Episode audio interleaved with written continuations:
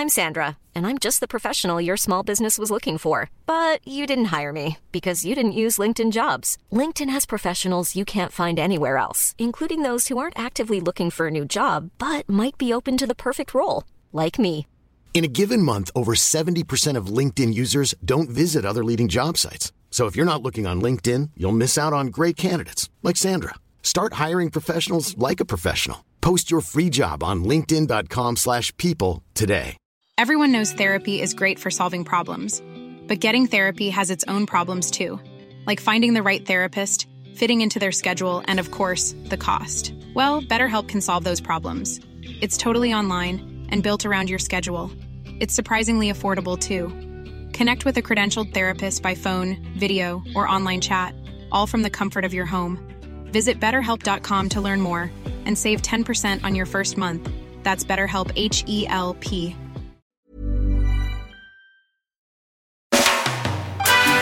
Hej och välkommen till I väntan på katastrofen. Jag heter Kalle Zackari och med mig har jag Patrik Sellman. Hej Patrik. Hej Kalle! Du, nu har man kommit upp sig.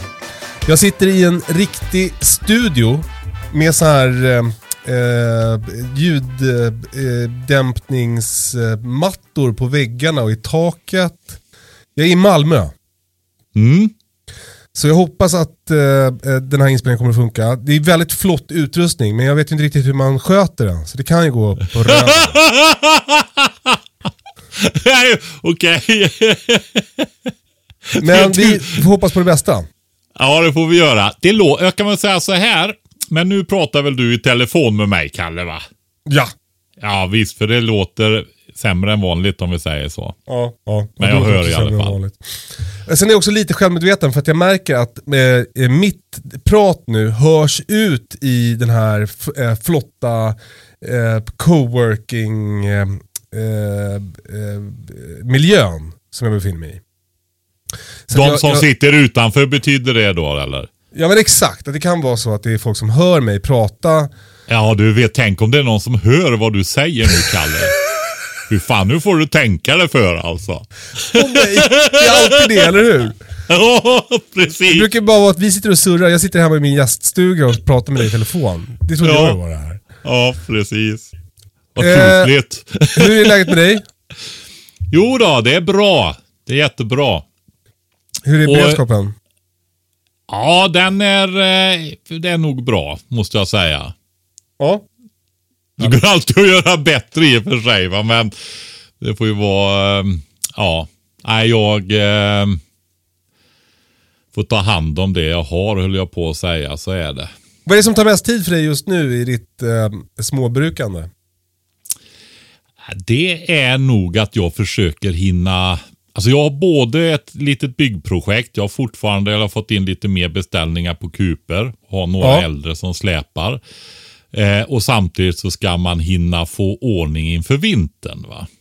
Det är ju liksom, du vet, det går ju i högsta tempo och det blir, jag har ju brist på uthus och sådana saker. Så att det blir ju projekt lite överallt och så måste det komma på plats innan vintern. Här kan Ja. ju bli ganska mycket snö och sådär då. Just det. Då är det. Du, och, eh, vad, vad är du på resa nu? I, eh, på semester eller? Jajamän, vi har höstlov. Ah. Så vi tar en liten paus och vi tänkte att det var kul för ungarna att se något annat än hemma. Mm. För en gångs skull. Så att vi är eh, på resande fot och hälsar på lite kompisar och sådär. Det känns kul. Så har jag djurvakt under tiden, det är alltid spännande. Se om man kommer hem, får se om allt. Om det är ett enda, en enda röra eller om det är alltid i sin ordning när jag kommer hem. Det blir spännande.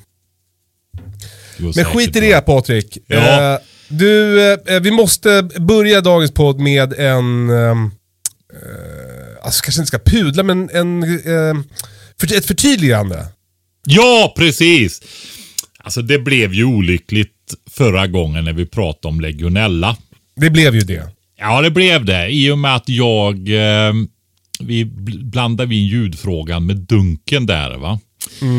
Och jag var helt inriktad på detta med temperaturer och sådana grejer. Men Ja. det är ju viktigt också hur smittar en sån här. Och jag ska säga att jag var faktiskt inte helt kunnig på det området. Alltså att Det är ändå var, sjukt. Att du Nej, det, visste. vet jag. Men, o, det är sjukt på det viset att om man ska prata om det så borde man ha kollat det. va. Men jag missade faktiskt det. För det är nämligen så här att om vi kopplar det till vattendunken och lagringen där. Jag pratade om detta med 20 till 45 grader och att man behöver värma upp vatten och sånt där. Det är ju det liksom som man tänker på med det här. Ja. Eh, och det är ju så här, legionella finns ju som många andra grejer. Det är ju samma när vi pratar om botulism. Att det finns, finns ju överallt. Va? Det gäller ju bara att inte få tillväxt på det på fel ställe. Och sen när det gäller legionellan då så eh, Dels är det en spännande grej. De här komplexa vattensystemen. Har de väl fått in legionella en gång i de där så blir de inte av med dem. Va? Då måste de verkligen eh, sköta temperaturer och så. Ja, det finns alltid någon T-koppling någonstans med vatten som kommer undan där det överlever lite och sådär. Va? Ja. Eh, det här, jag har ju fått massa mejl ifrån eh, eh, sakkunnigt folk då om det här. Men det viktiga då, det är så här att legionella smittar i duschar. Man måste andas in det här, vad ska vi säga, fi- fina aerosol, alltså små, små vattendroppar måste du andas in. ja. Unga. Ja, precis. Men det behöver inte vara ånga, utan det kan vara... Ånga är ju eh, eh, vattenmolekyler som far omkring i luften. Va? Ja. Aerosol är små, små, små, små droppar. Och det bildas när du duschar och sådana saker också. Va? Så att eh, det är det som är smitt eh, då. Men sen kan det smitta via luftfuktare och sånt också. Alltså om man, om man efter eh, katastrofen, efter när, när, när katastrofen äntligen har, äntligen, när katastrofen har inträffat, du tar fram dina dunkar vatten ur förrådet och häller i din luftfuktare. Ja, Ja, i kläckskåpet till exempel. just det. Ja, smart. Nej, men eh, det är ju även, det är ju inte bara när katastrofen inträffar utan det är ju i vattensystem. Vi pratade ju generellt om det också, va? så så är det. Så att eh, viktigt, värma, helst över 60 grader, i alla fall med jämna mellanrum i sitt eh, varmvattensystem. Ja. Och eh, ingen fara med dunkar och sånt eh, när, när du lagrar vatten vad det gäller legionellan i alla fall. Det är alltså ingen fara att dricka vatten.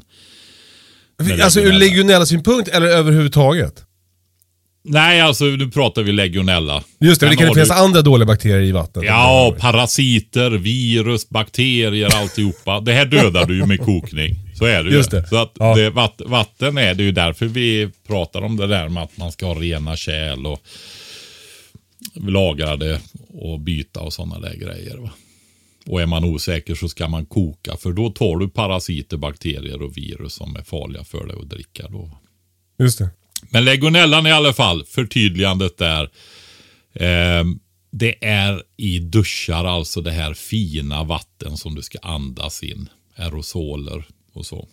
Ja, Det, har vi tycker jag det. väl, det var väl ett tydligt förtydligande.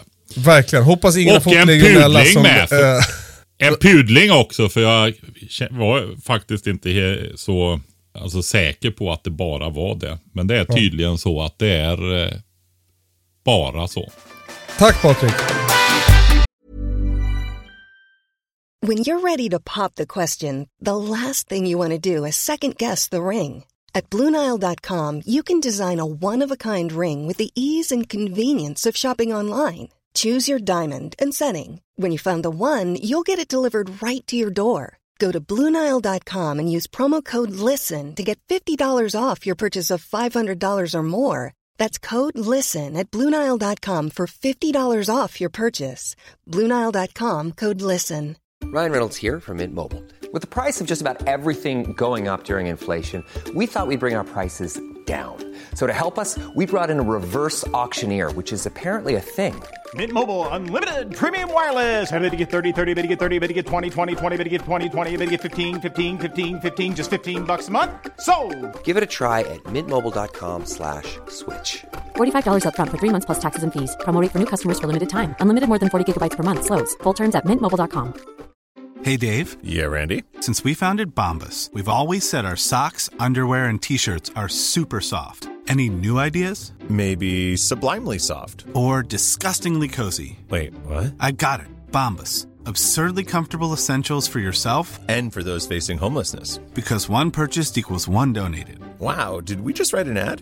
Yes. Bombas. Big comfort for everyone. Go to bombas.com slash ACAST and use code ACAST for 20% off your first purchase.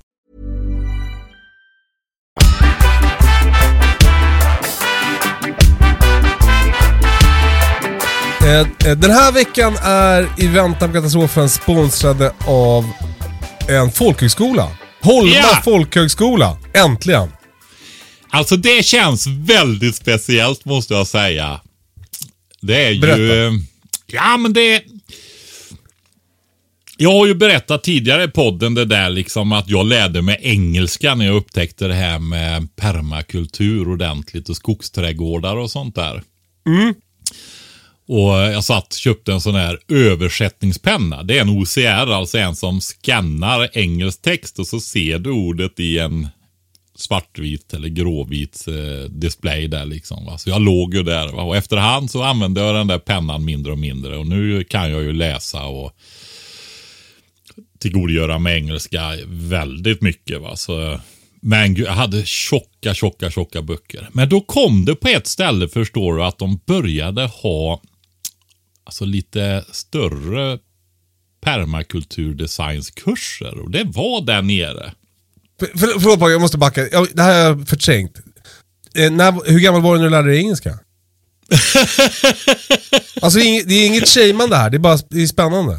Ja, ja, men du vet, jag är ju så gammal så att när jag Alltså jag, vad jag har väl kunnat lite engelska men liksom så att jag verkligen kan använda det och tillgodogöra Ja. mig och studera och så vidare. Va? Nej men Just du det. vet när jag gick i skolan så är det ju så här att ehm, ehm, en fin utvikning, ett, ett sponsringsmeddelande. men i alla fall, hur, varför ska man kunna engelska när man är på 1970-talet? Just det. Ja, Ja, det var andra Herregud. tider. Alltså MTV hade inte kommit ännu. Så du... du Nej, det liksom var aldrig på. fortfarande tjeckisk dockteater och Ja, vilse i pannkakan. ja, ja.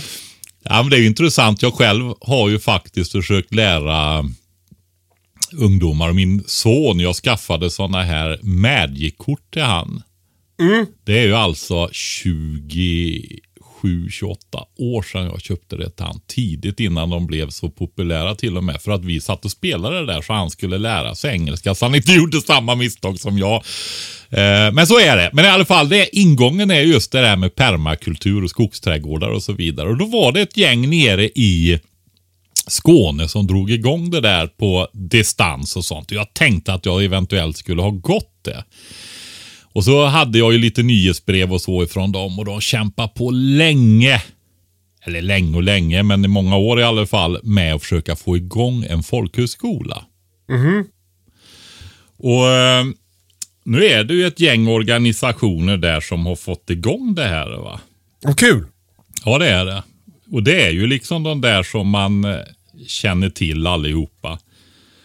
Jag tror jag har nämnt det förut när jag var i högstadieåldern och var, läste det här förbundet organisk biologisk odling. va. Det är ju de här med marktäckning och icke-plöjning och sådana saker. Och det är framtiden i våra händer, biodynamiska föreningen, permakultur i Sverige, Skånes kärngårdsförening. Kärngård, det är ju lite det där småbruk och vad, hålla- upprätthålla kunskaper och sådär. Och det är faktiskt, jag var på besök på den här gården där jag bor nu. Jag har ju köpt en tomt här. Och då var vi på besök med kärngårdar i Värmland. I början på 90-talet. Och på den vägen är det. Jag hade varit och hälsat på här förut då på 80-talet också. Men Då kom erbjudandet om tomt och sådana grejer där. Så det är faktiskt via kärngårdsföreningarna som jag bor här också. Jaha, de, är är- skogs- men de är inblandade i den här folkhögskolan? Ja, i Skånes kärngårdsförening verkar finnas kvar då. Jag vet inte hur kärngårdsföreningarna lever vidare i övriga landet faktiskt. Men Skogsträdgårdens vänner, Sambruket i Sösdalabygden. Och de är också speciella på det viset att där nere i Sösdala har jag ju haft en stor del av mina biodlingskurser i Skåne. Okej. Och Det är ett gäng som har gått ihop och bedriver odling tillsammans där då. Och sen är det omställningsnätverket också då. Så de fick till en folkhögskola 2016. Och eh, om du tänker, om jag och du skulle va, dra igång en, en eh, skola. Då Ja. skulle det nog nästan vara den här skolan. Så det, vi kan säga att det är våran skola nästan. ja, det, ja, Lov. Nej, men om vi tar så här då. Eh, nu har ju de bett mig nämna några kurser speciellt då. Va? De har ju ett stort gäng. Alltså det är ju Holma folkhögskola utan prickar över ö. Var ligger det någonstans? Hör i Skåne. Här, jag är i Skåne nu ju. Ja, du kan åka dit och säga hej. Gud vad nära. Ja, det är det. Ja. Hör är inte, för skåningar, du vet en skånsk mil är ju väldigt lång jämfört med för övriga landet. Det känner du till kanske? Ja, att allt är så nära här. Nej, de Tvärtom. tycker att det är väldigt långt till allting i alla fall, fast allting är nära. Jaha, ja, för jag slogs av hur nära allt är. Ja, det är det. Det är det. Det, det tycker man när man kommer ifrån Mellansverige och framförallt ännu mer om man kommer ifrån övre Norrland. Då, va? Men eh, vad är liksom, eh, eh, men vårt budskap är liksom, om man lyssnar på den här podden och vill lära sig mer om de här grejerna vi pratar om i podden, då, då, då ska man söka sig till den här folkhögskolan. Ja, men gå in och titta där så finns det mängder med hel och halvfartskurser. De är ju givetvis också studiemedelsberättigade då. Va? Men sen har de ju hela tiden återkommande kortkurser, föreläsningar och sådana saker också. Då. Men- Vi har fått en lista på kurser i alla fall. Ska jag läsa? Jag läser de här kurserna som de har tipsat om. Ja, jag vet inte om du behöver läsa dem, men eh, Ja, men det första heter Ställ om. Det låter spännande. Ställ om! ja. Som en uppmaning. Permakultur, entreprenörskap, kris, krisberedskap och självhushållning. ja. Det låter ju helt perfekt ju. Ja, men det är det. Och det där är en, vad ska vi säga, en introduktionskurs där man kan gå in på olika sätt, eh, ställen. Dels är det ju det där med beredskap, självhushållning, småbruk som vi pratar om. Men sen finns det också ja, fördjupning i permakultur, design är där också. Men är också entreprenörskap. Om det är någon som vill gå upp och bli småskalig livsmedelsproducent, livsmedelsförädlare eller någonting sånt där. Va? Ja. Så att det är liksom en bred ingång kan man säga då. Va? Men det som verkar spännande också, de har inget internat. Jag själv har ju gått på folkhögskola vid två Ja. tillfällen. Eh, och jag, det var ju bland, jag tyckte internat var ganska bra. Eh, men här är det så här att många kurser är ju på halvfart och sånt där också. Så att du läser ju till exempel måndag, tisdag, halva onsdag. Och så har du ju halva veckan kvar. Och det bor ju kvar mycket sådana här människor där nere. Och det är också så man ord- ordnar boende och sådana saker. Att man hyr in sig och tidigare elever och sådana saker där runt omkring. Men det är, man är på plats och går, går den här skolan? Ja, det, finns distans, det finns distanskurser också, men den här kursen eh, eh, jag, ska, jag, ska, jag måste säga man måste nog gå in och titta för säkerhets skull på varje, men det kan vara allas eh, sorter. Distans, eh, distans med några eh, veckor på plats varje termin finns någon. Jag tror det var allmän linje jag såg hade det. va. Det, det får man titta specifikt. Men är man, har man tid att avsätta hela terminer och sånt, eller ett helt läsår då, så ska man ju gå in och titta där. va. Verkligen. Men det som är viktigt också det är att 15 november är ju sista ansökningsdagen nu då. Det är två veckor ju. Ja, precis. Men sen hade de nämnt några kurser till som de tyckte var som mest relevanta för våra lyssnare då. Det är ju hantverk för självhushållare. Ja. Eh, och det är också en platsförlagd, men där får du pröva på massvis med olika grejer då. Och eh, Jag ska plocka fram den här lite snabbt bara för att läsa på en lista. Grundläggande snickeri, bygga enklare byggnader, växthus, utedass, vedbod. Ta hand om gamla hus, slå med lie, hållbara uppvärmningssystem, lösningar för lokala kretslopp, laga kläder, använda öl, sköta om verktyg, slipa, skafta och så vidare. Då, va? Alltså det, det är som allt man vill kunna. Ja, men jag sa ju det. Det är ju som om det vore våran skola. Helt otroligt. ja, precis. eh, men sen har de en, den tredje som de vill att vi ska nämna också. Det är regenerativ odling och permakultur. En fortsättningskurs. Ja. Och det är en fortsättningskurs är det för att du har lite förkunskaper får man väl säga då. Du måste inte ha gått någon sån uppstartskurs innan. Men du kan ha gått någon av deras kurser innan för att gå där också. Men du kan ju också ha bedrivit jordbruk eller självhushållning i större skala eller lite grann sådär själv. Och så vill du växla upp och eh, ja, få riktigt stor självhushållning eller till och med börja sälja och vara småskalig livsmedelsförädlare. Då. Just det. Mm. En fråga jag har bara, du som har gått på folkhögskola. Måste man vara vegan? Du tänker så här, om man måste, du, nästa fråga är måste man ha dreadlocks och sådana grejer? Alltså det är inget fel på dreadlocks. Det är supersnyggt.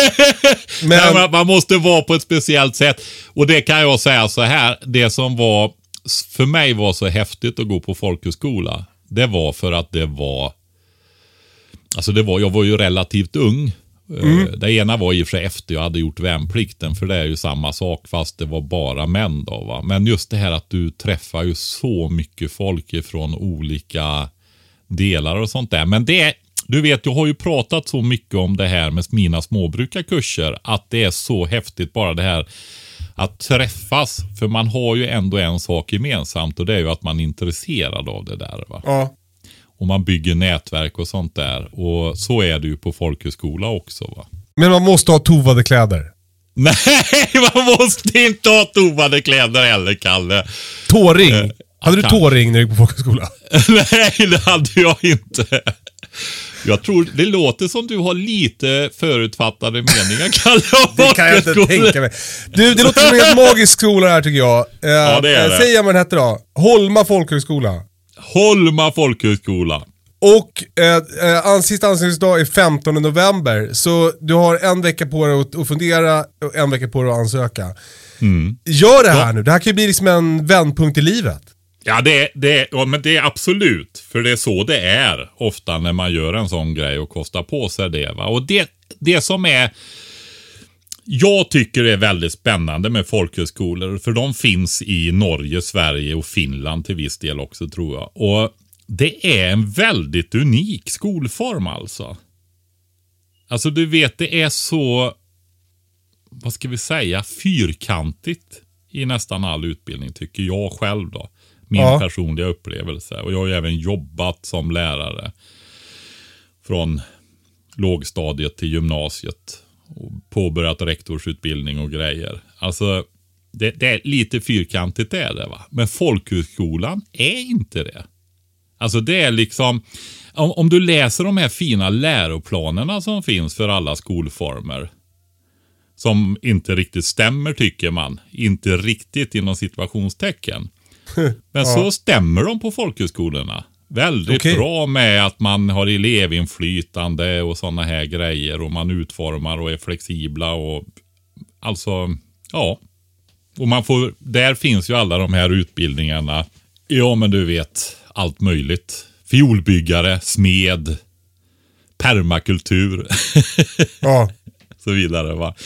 Ja, och när de väl har fått lov att bli så kommer de ju in i hela det här utbildningssystemet med studielån och sådana där grejer också. Det viktiga där när det gäller studielån, jag vet inte om jag sa det, det måste vara minst halvtidskurser då. För jag tror de har någon kvartsfart också så man får titta på det då. Men det är också som jag sa det där att man kommer in i ett socialt eh, sammanhang och de här i det här omställningsrörelsen och det här också så är ju det det här som vi pratar om. Det, det, jag får ju säga så här, de lyssnar ju på våran podd många där nere. Jag skojade Johanna bara om det här med dreadlocks och tåring. och, det, och det är så här också att hon som ringer upp mig, det var ju Johanna. Och hon träffade jag i somras för då gick hon ju en av mina biodlingskurser med Toppris Mhm. kuper. Och köpte faktiskt en kupa med, det var roligt. Så nu kommer Gud vad grötigt. Vad insyltad du är Patrik. Men vad ja, kul. det här var nog rätt in lite i kärnan på något sätt skulle jag säga. Och det är, så, det är ju väldigt roligt att de vill eh, sponsra oss också då och att vi kan hjälpa dem, känner jag. Det har nästan blivit ett helt avsnitt tror jag om det här. Men eh, kolla detta. 15 november. De har nyhetsbrev om man inte kan gå nu och vill ha kontakt och bevaka vad som händer och så vidare framöver så skickar de ju ut detta. Några, några mejl om året, inga mejlbombningar. Så eh, kolla det. Så tack för sponsringen nu, Holma folkhögskola. Tack.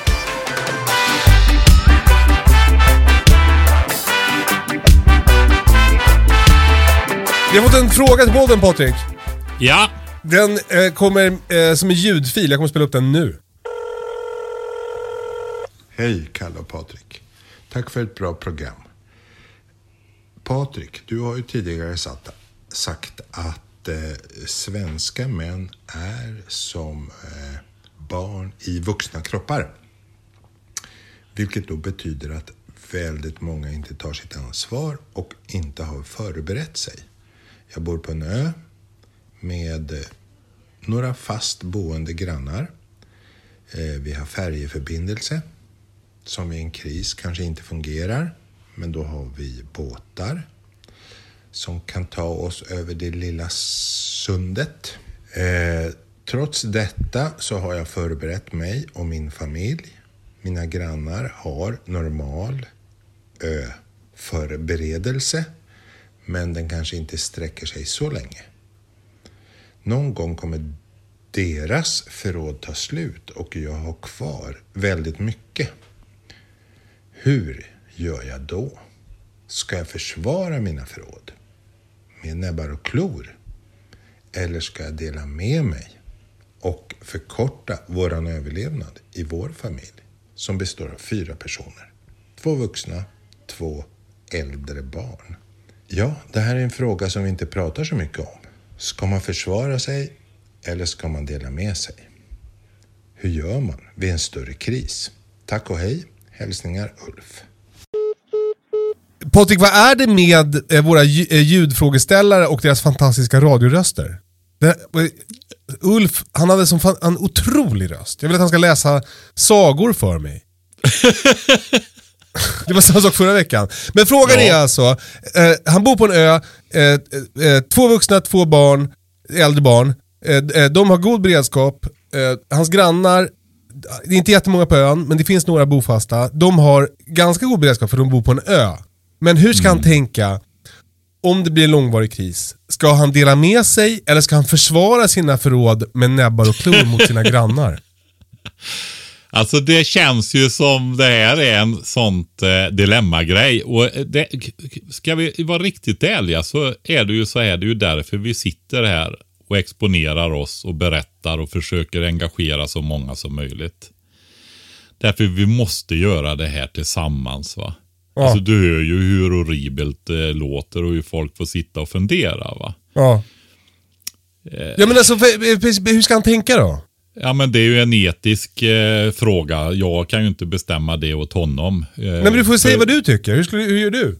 Ja men det är klart att man får hjälpa så fort det går. Vad ska han göra då? Ska han eh, försvara, skjuta grannarna när barnen håller på att svälta ihjäl? Du hör ju liksom att eh, Ja, det låter ju inte som att det går. Men, men man vet ju Nej, inte heller. alltså- Alltså, det, det, saker förändras väl om det blir ett, en riktig kris?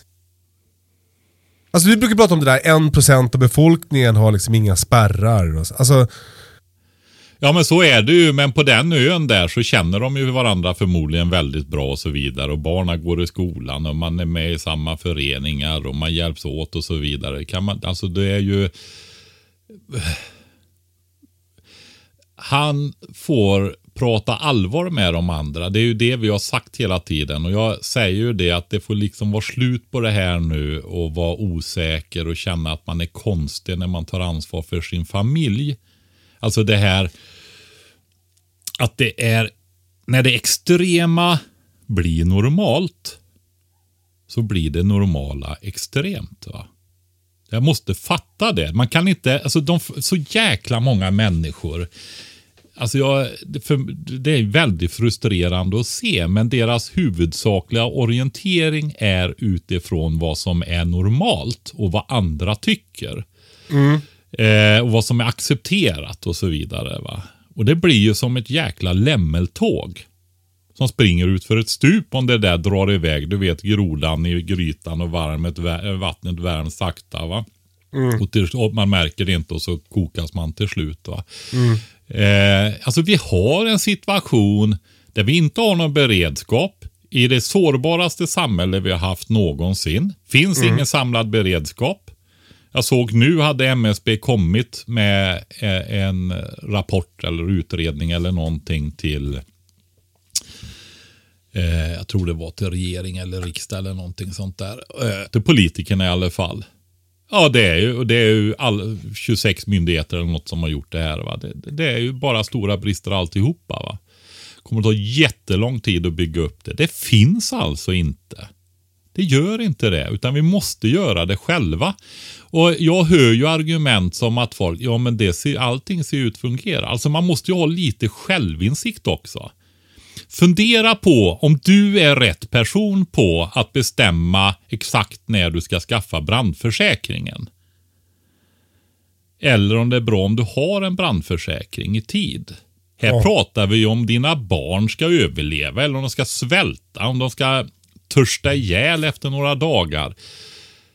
Alltså konsekvenserna är ju så absurda va. Eh, ja, men det får inte, alltså fram med armbågen nu och tackla till folk. Vem är du? Vad har du tänkt dig i ett just in time-samhälle? Ja, men jag märker när det börjar så ska jag gå och handla. Ja, du ska sno den sista maten framför näsan på kommuner och så vidare. va. Det är helt horribelt. Så att då är det bara att tydliggöra det för folk och ta tag om hjärtat och, och krama om alltså. Ska du ta maten från de gamla och sjuka? Är det mina barns mat du ska äta upp? Vem är du egentligen? Nu får du skärpa dig. Alltså, man måste börja säga till folk. va. Alltså, vi lever i en tid när det är normalt att skita i detta. Alltså, det, det ligger ju en ovärdighet i det här som är... Ja, men det är Jag- alltså fel. Jag, jag, kö, alltså, jag köper det. Jag, jag är liksom, jag, det, det är jag ju med på. Det är därför vi gör den här podden och det är Ja. därför vi håller på att missionera om det så här. Men, men jag är ju samtidigt inte naiv nog att tro att alla kommer att sköta sin beredskap. Mm. På den här ön, då är det ju möjligt. För det är om det då var fyra familjer eller någonting som bor på den där ön. Då går det ju att prata med alla fyra och också veta, hålla koll på om de... Man har ju märka om de skaffar bättre beredskap. Mm. Men som jag bor, där finns det ju massa familjer som jag inte vet om någonting om. Mm. Då måste jag ju ändå, liksom, jag måste ändå förbereda mig för, mentalt, för att de kommer inte att höja sin beredskap. De kommer att få problem om det blir en långvarig kris. Och då kommer de antagligen komma till han med krisberedskapspodden. Mm. Alltså jag. Han med den stora silon. Exakt. Så, då- Ja. så då, då, då måste jag ju fundera över hur, hur jag ska tänka. Ja, men alltså, jag tror att man liksom ska använda våld mot grannar och, och så vidare som kom. Alltså, vi, jag brukar ju säga det så här att vi behöver hjälpas åt att upprätthålla samhället. Ja. Och du ska ju leva med detta efteråt. Alltså folk tänker sig det här extremt apokalyptiska. Så att det aldrig kommer tillbaka något samhälle. Just det. Men hur sannolikt är det då? Just det. Ehm, alltså, Alltså man kommer att, man kommer att ha eh, grov eh, dagen efter ångest om man och- om det är falskt alarm och jag börjar öppna eld mot mina grannar. Ja. Ja men alltså det, det blir så konstiga... Alltså visst finns det... jätteknepiga scenarion där man ställs för oerhörda etiska dilemman. Så är det. Och det här att folk inte tar det här ansvaret, det sätter oss ju i den situationen. va. Och det är Ja. jädrigt allvarligt och det är därför man ska ställa dem till svars. va. Ja. Ehm, det är så jädra oansvarigt, egocentriskt, omoget, alltihopa vad du vill va. Och det, de som är så korkade att de tror i en tid när i princip tredje världskriget har börjat, du kan råka få ofattbara konsekvenser i princip vilken sekund som helst och så sitter de och tycker att "Ja, det är väl ingen fara. Ja, men då är man ju korkad va. Ja. Det är bara att säga det. Du är ju korkad om du inte Ja. begriper det då. va. Utan du fortsätter att sitta där och tro att eh, SVT gör en extra nyhetssändning åt det eller någonting sånt där bara hux flux va. Och så Ja. ska du gå ut och handla i, i eh, när det finns Ja, innan det ens är slut. Va? Alltså det blir ju bara huggsexa och slagsmål i affärerna det sista och du ska vara en av dem där. Ja. Det blir, blir löjligt va. Men om, om eh, alltså just det här när ni tänker på det här brutalare scenariot där. Så är det ju så här att i de flesta scenarion så är det ju så att Ja men du vet som tittar runt på inbördeskrig och sådana här grejer som har varit. Efter några år så återställer ju sig samhället mer och mer och såren läker och så vidare. Du ska leva med vad du har gjort. Och det är hög risk många gånger också för att du får ställas till svars för vad du har gjort också. Va? Mm. Det är inte bara att springa och hålla på sådär. Va? Och framförallt så um, inte minst ska man leva med det också. Va? Så, Mm. um, men sen givetvis så hur, eh, ta en sån där riktig genomklappning då va. Som risken ökar eftersom folk inte hjälper till att hålla uppe beredskapen va. Och myndigheter och stat och kommuner är ju, har varit totalt oansvariga va. Mm. Det är ju ingen idé att låtsas som något annat va. Men utan det är ju som det är. Så, så ökar ju risken för att vi hamnar i en samhällskollaps. Temporär i alla fall va. Men, och- men vad- och om vi ska gå till, tillbaka till Ulfs fråga då, så är det väl... Ja. Han har ju ett väldigt, han har en ganska tacksam situation eftersom han bor på en ö och det är, är som en begränsad skara människor. Så han borde då prata med sina grannar och, och se till att de ökar sin beredskap. Absolut. Och det, det, för det är ju det, det. Det är ju liksom den enda lösningen egentligen. Alla andra, det kan ju inte vara så att det är jobbigt och tänk vad ska de säga och, och vad tänker de om mig och så vidare. Eftersom han är engagerad och tar det här på allvar så måste han ta den här frågan på allvar också. Va? Ja, ja. Och eh, kör man med raka rör. Eh, ja, säg att det är tre av fyra då som förbereder sig. Då blir det verkligen på nåde för en fjärde sen va. Då ska Ja. den äta, äta upp de andra familjernas mat om vi säger så. Ja. Så eh, det är nog både för och nackdelar med eh, en ö skulle jag säga. Du är ju väldigt utlämnad också va. Ja. Så är det.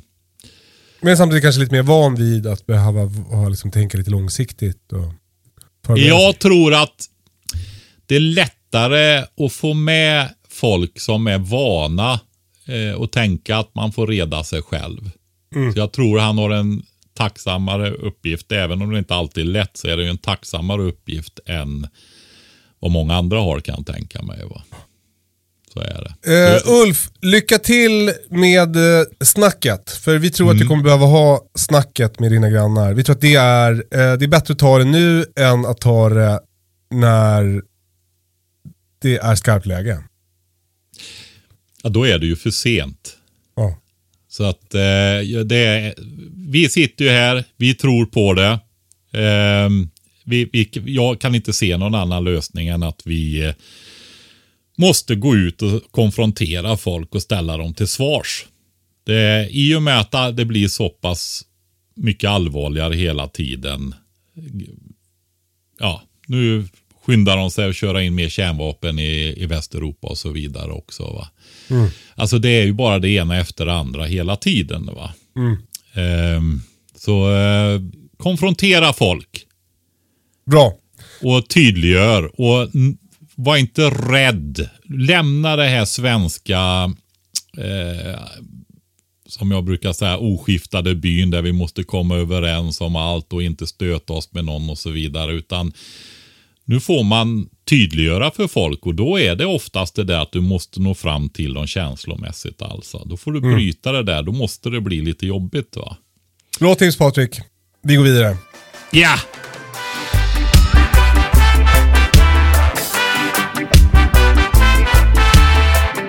Eh, vi fått en fråga från Niklas. Eh, han lyssnade på förra veckans avsnitt och eh, vi pratade om det här med kärnvapen. Eh, som vi har gjort en del på slutet nu. ja, precis. Eller förlåt, inte slutet kan jag inte säga. Det lät, lät väldigt eh, eh, hemskt. Men på sistone, ska jag säga. Ja, precis. Eh, och han har en, en väldigt eh, eh, eh, kort och koncis fråga. Han vill, det låter, han säger så här, det låter bra att ta sig bort från eh, platsen om eh, det finns risk för nedfall och strålning och sådär. Kan man då sätta sig i bilen undrar han? Hur, hur, hur mycket skyddar en modern bil mot nedfall och strålning? Han vill alltså köra bort från platsen. Säg att han- tar som exempel, jag sitter i en timme och kör bortåt från platsen Ja. i en modern bil. Alltså det är ju om du har en förvarning.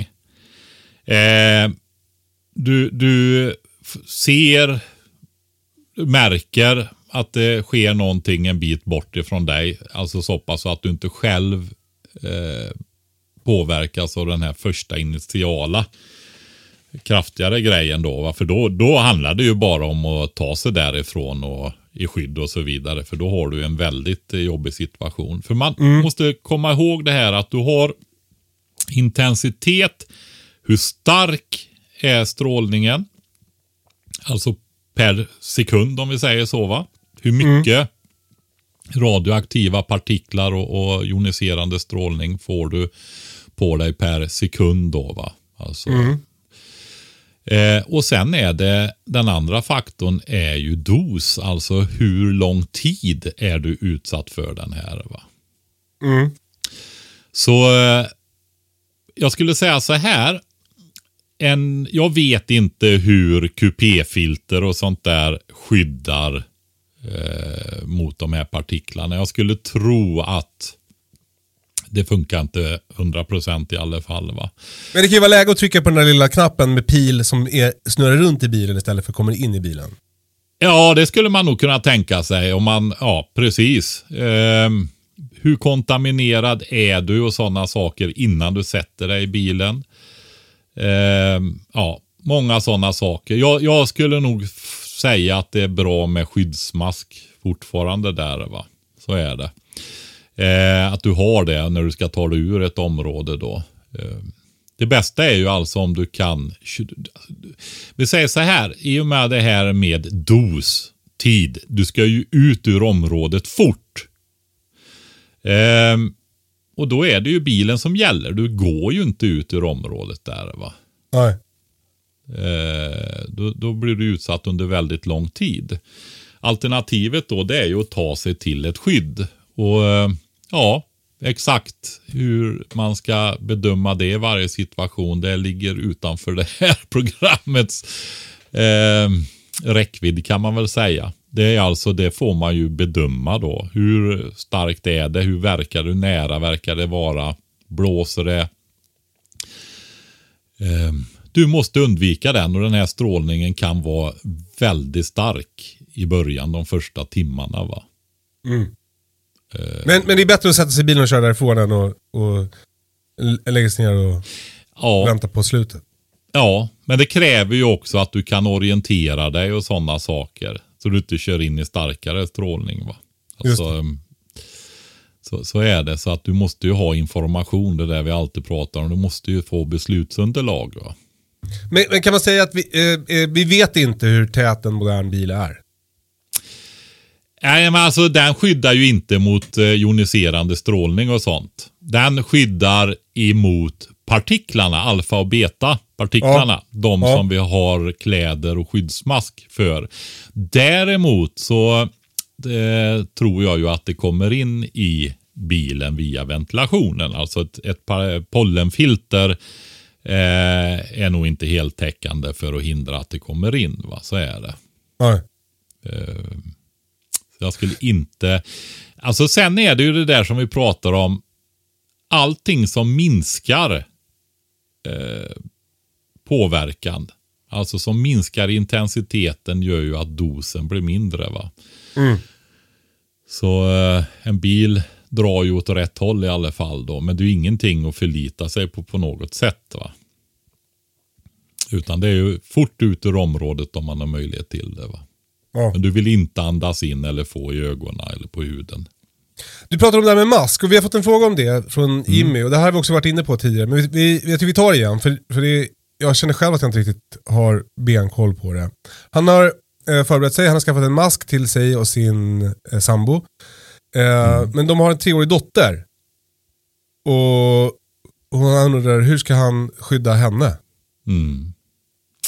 Alltså det, det är ju så. Och det har kommit jättemånga frågor om det sen. Ja, du bad ju mig ta den där diskussionen när jag sa till att nu får du skaffa skyddsmask till familjen och, och ja, till din familj då. Va? Då sa du Mm. ta det. Och då kom det ju dels hur får man tag i det och så. Och eh, vi fixade en rabatt där och sen har det varit massvis med frågor om känns meningslöst när våran tvååring inte har någonting som skyddar. Mm. Alltså grunden är så här. Jag kan inte exakt och det varierar säkert eller, eller det varierar ju med konstitution hos barnens styrka och så vidare. Va? Problemet är att de orkar inte andas i en skyddsmask. Och sen har de ju ett väldigt litet ansikte. Så många skyddsmasker kommer inte att passa heller. va. Utan det vi hade i förråden fram till 2013 som de här 7,5 miljoner skyddsmaskerna och huvor och så vidare. Där var det ju till barn. Det har vi pratat om förut. Till riktigt små barn så var det ju typ babylifts. Som, ja, du vet sån här väska som du bär barnen i. Och ehm, eh, med handtag då va. Och så var den tät med plast över. Och så satt en liten kompressor med batterier och blåste in luft genom ett sånt här filter då. Ja. Istället. Så det kom in, det blev ett litet övertryck där inne och det kom in ren luft och filtrerad luft till ba- det lilla barnet där och så bebisar egentligen. Va? Nästa steg det var ju barn då. Då hade man som en jacka kan man säga, cape eller någonting som var tät och så satt det också en sån där batteridriven kompressor med filter och blåste in. Så var det liksom sån här huva på. Plasthuva Mm. på också då som de hade över sig. Va? Alltså det finns ju, jag, jag vet ett land som gör sådana här saker och det finns att handla online också och det är Israel. De har sån utrustning till barn fortfarande där. Va? För den som vill. De är inte superduper. De kostar ungefär som en skyddsmask de här grejerna. Okej. Så är det. Så de finns på marknaden. Och ehm, Så sök på engelska ord och, och så. Och is, Isra, Israelic eller någonting sånt där. Va? Så hittar man de här grejerna om man vill köpa det till barnen där. Då. Ja, är det gränsfall eh, med barn så det är inte för många år tills de kan ha en skyddsmask. Vad nu den gränsen exakt är. Va? Så eh, ja, det går att få tag i skyddsmasker. Vi ha, har ju ett samarbete som pågår med OV-butiken faktiskt. Eh, där man också har 10% med koden hemberedskap i hela krisberedskapskategorin. Va? Eh, De är på väg in och jag de fick ju så mycket bestånd. Det är med några, någon, något hundratal skyddsmasker. Det räckte inte långt. När, eh, när, eh, för det var många som ville ha det där. va. Mm. Vad jag förstår så har de tusen stycken på väg hem ifrån Tjeckien nu. Va? Ja. Så de kommer ju in här nu när som helst. Då. Jag har sagt till dem att de ska meddela mig. För då lägger jag ut på vårt Instagram-konto då på de grejerna. Och de är slut just nu eller? Ja, ja, ja, de är restade så du kan beställa. Så när de kommer, alla som beställer nu får ju eh, när de kommer in då. Va? De är Mm. på väg. Eh, men i alla fall, skaffa skyddsmasker nu. Ofta är sådana här grejer, alltså det låter väldigt illa alarm- alarmistiskt och så tänker man ah nu kommer det något, det händer imorgon va. Eh, och så händer det inte imorgon utan tiden drar ut. Alltså det är mycket, det är som en mänsklig eh, mekanism det här att man alltid tror att allt ska gå mycket fortare än vad det gör. va. Ehm, så att det kan nog vara så att det tar tid. Eh, om det ens händer. Det är inte självklart att det gör det, men det kan ta tid. Va? Och då är det så här att det kanske inte alltid går att få tag i skyddsmasker och så har det gått något år eller två så hade det varit bra att ha en. Va? Ja men vi skaffar väl inte skyddsmasker för att liksom för, för, för ett kärnvapenkrig utan vi skaffar väl skyddsmasker för, om det skulle komma ett kärnvapenkrig. Precis. Jag hoppas väl att det inte kommer. Nej, och nu har riskerna ökat så pass mycket för det. Vi kan inte sätta exakt säga att det har ökat ifrån eh, 0,01 procent till eh, 7 procent. Eller 3% Det vet ju inte vi. Det vi Nej. vet är att de har ökat. Eh, och som jag har sagt tidigare, jag kommer på att jag har sagt det för länge sedan tidigt i podden, just det här att jag tyckte att det var så oroväckande att retoriken har förändrats kring detta med kärnvapen. Att det har normaliserats, pratet. Liksom som att det inte är så allvarligt och farligt. va. Och det har jag upplevt som... Ah, det är ju sånt som har gjort att jag har vidtagit de här åtgärderna för några år sedan då, va, till hela släkten. Mm. Alltså föräldrar, syskon, syskonbarn och Men så svaret barn till Jimmy är i alla fall att han ska beställa då speciella, en speciell sån här cap-mask till sin treåring. Ja, om man vill ha ett skydd direkt. Och sen vill han veta att det finns en skyddsmask längre fram. Treåring sa du det? Mm. Ja. Ja, då är det nog en hel del år tills de kan ha en skyddsmask. Så att eh, Har vi någon ålder på när man kan andas genom en skyddsmask? nej, jag kan inte säga det. Det, det varierar nog med barn också.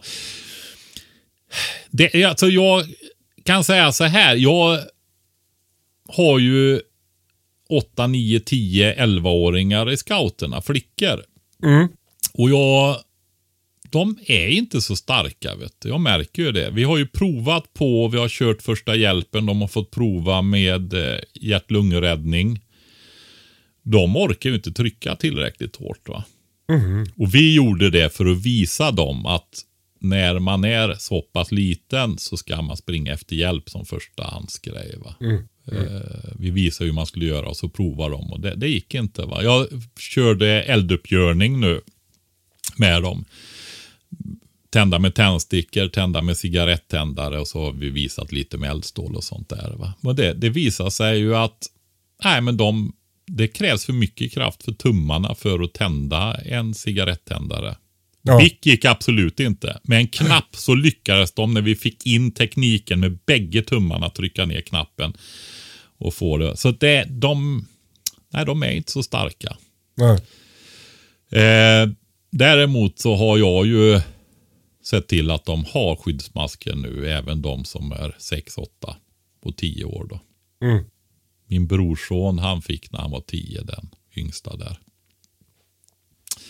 Så är det. Så jag ser till att det finns i alla fall. Sen har vi, har vi en som är några veckor gammal också nu då. Då blir det ett sånt där, eh, en sån där väska. Ja, det är det. Och få tag i den i så fall. Va? Eh, Men, men sen är det, får jag säga det också då, att alltså det är ju så här, man, har man inte några sådana grejer så får man ju lag efter läge och göra, tänka ut någonting va, som förbättrar situationen.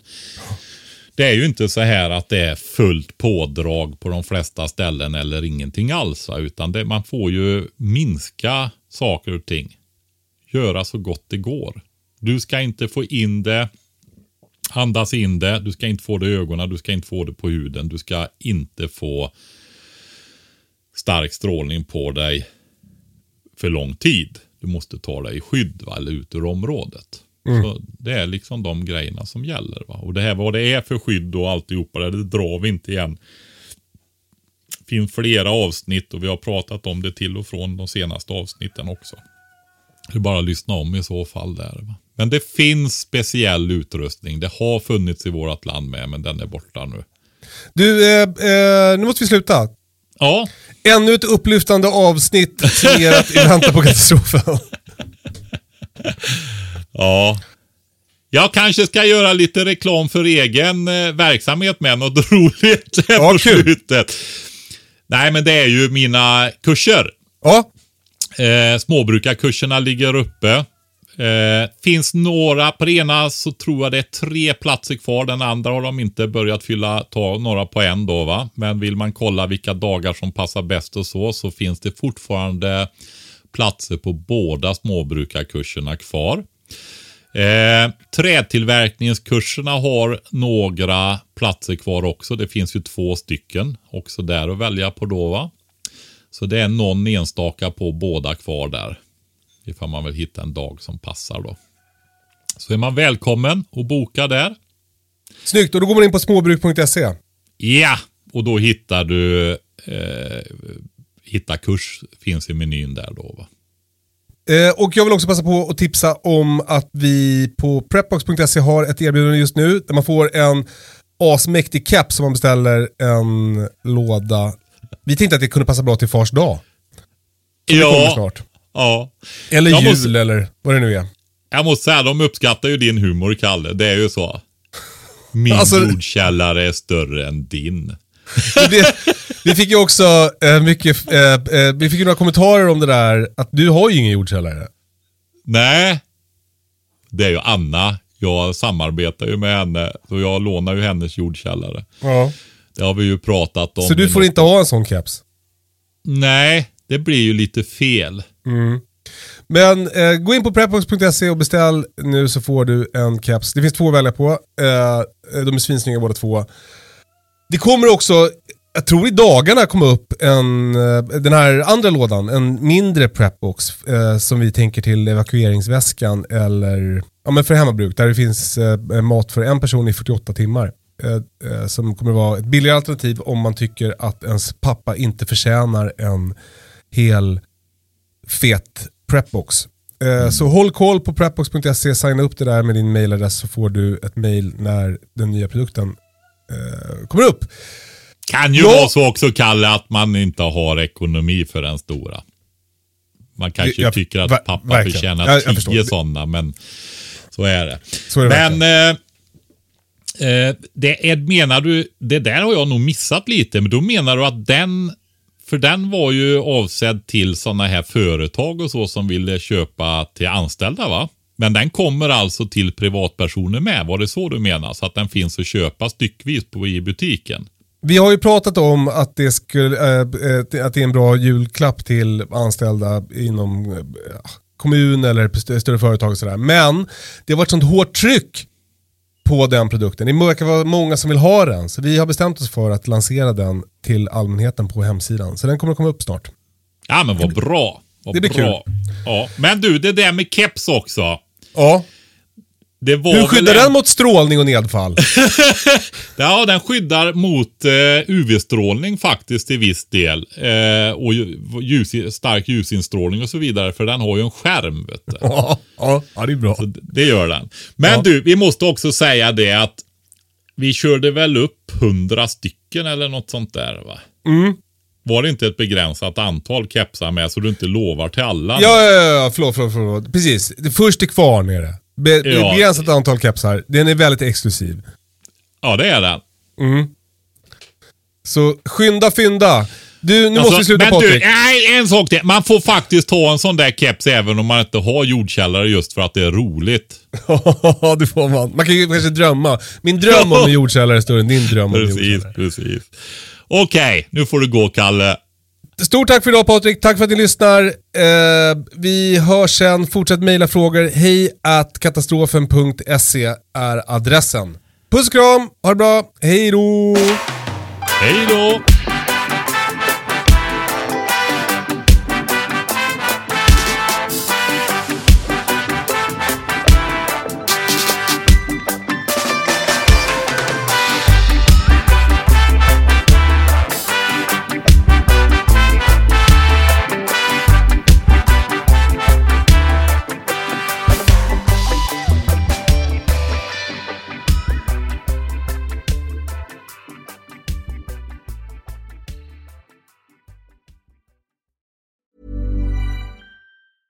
Planning for your next trip? Elevate your travel style with Quince. Quince has all the jet setting essentials you'll want for your next getaway, like European linen, premium luggage options, buttery soft Italian leather bags, and so much more. And is all priced at 50 to 80% less than similar brands. Plus, Quince only works with factories that use safe and ethical manufacturing practices. Pack your bags with high-quality essentials you'll be wearing for vacations to come with Quince. Go to quince.com/pack for free shipping and 365-day returns. Imagine the softest sheets you've ever felt. Now imagine them getting even softer over time. That's what you'll feel with Bowl and Branch's organic cotton sheets. In a recent customer survey, 96% replied that Bowl and Branch sheets get softer with every wash. Start getting your best night's sleep in these sheets that get softer and softer for years to come. Try their sheets with a 30-night guarantee. Plus, get 15% off your first order at bowlandbranch.com. Code BUTTERY. Exclusions apply. See site for details.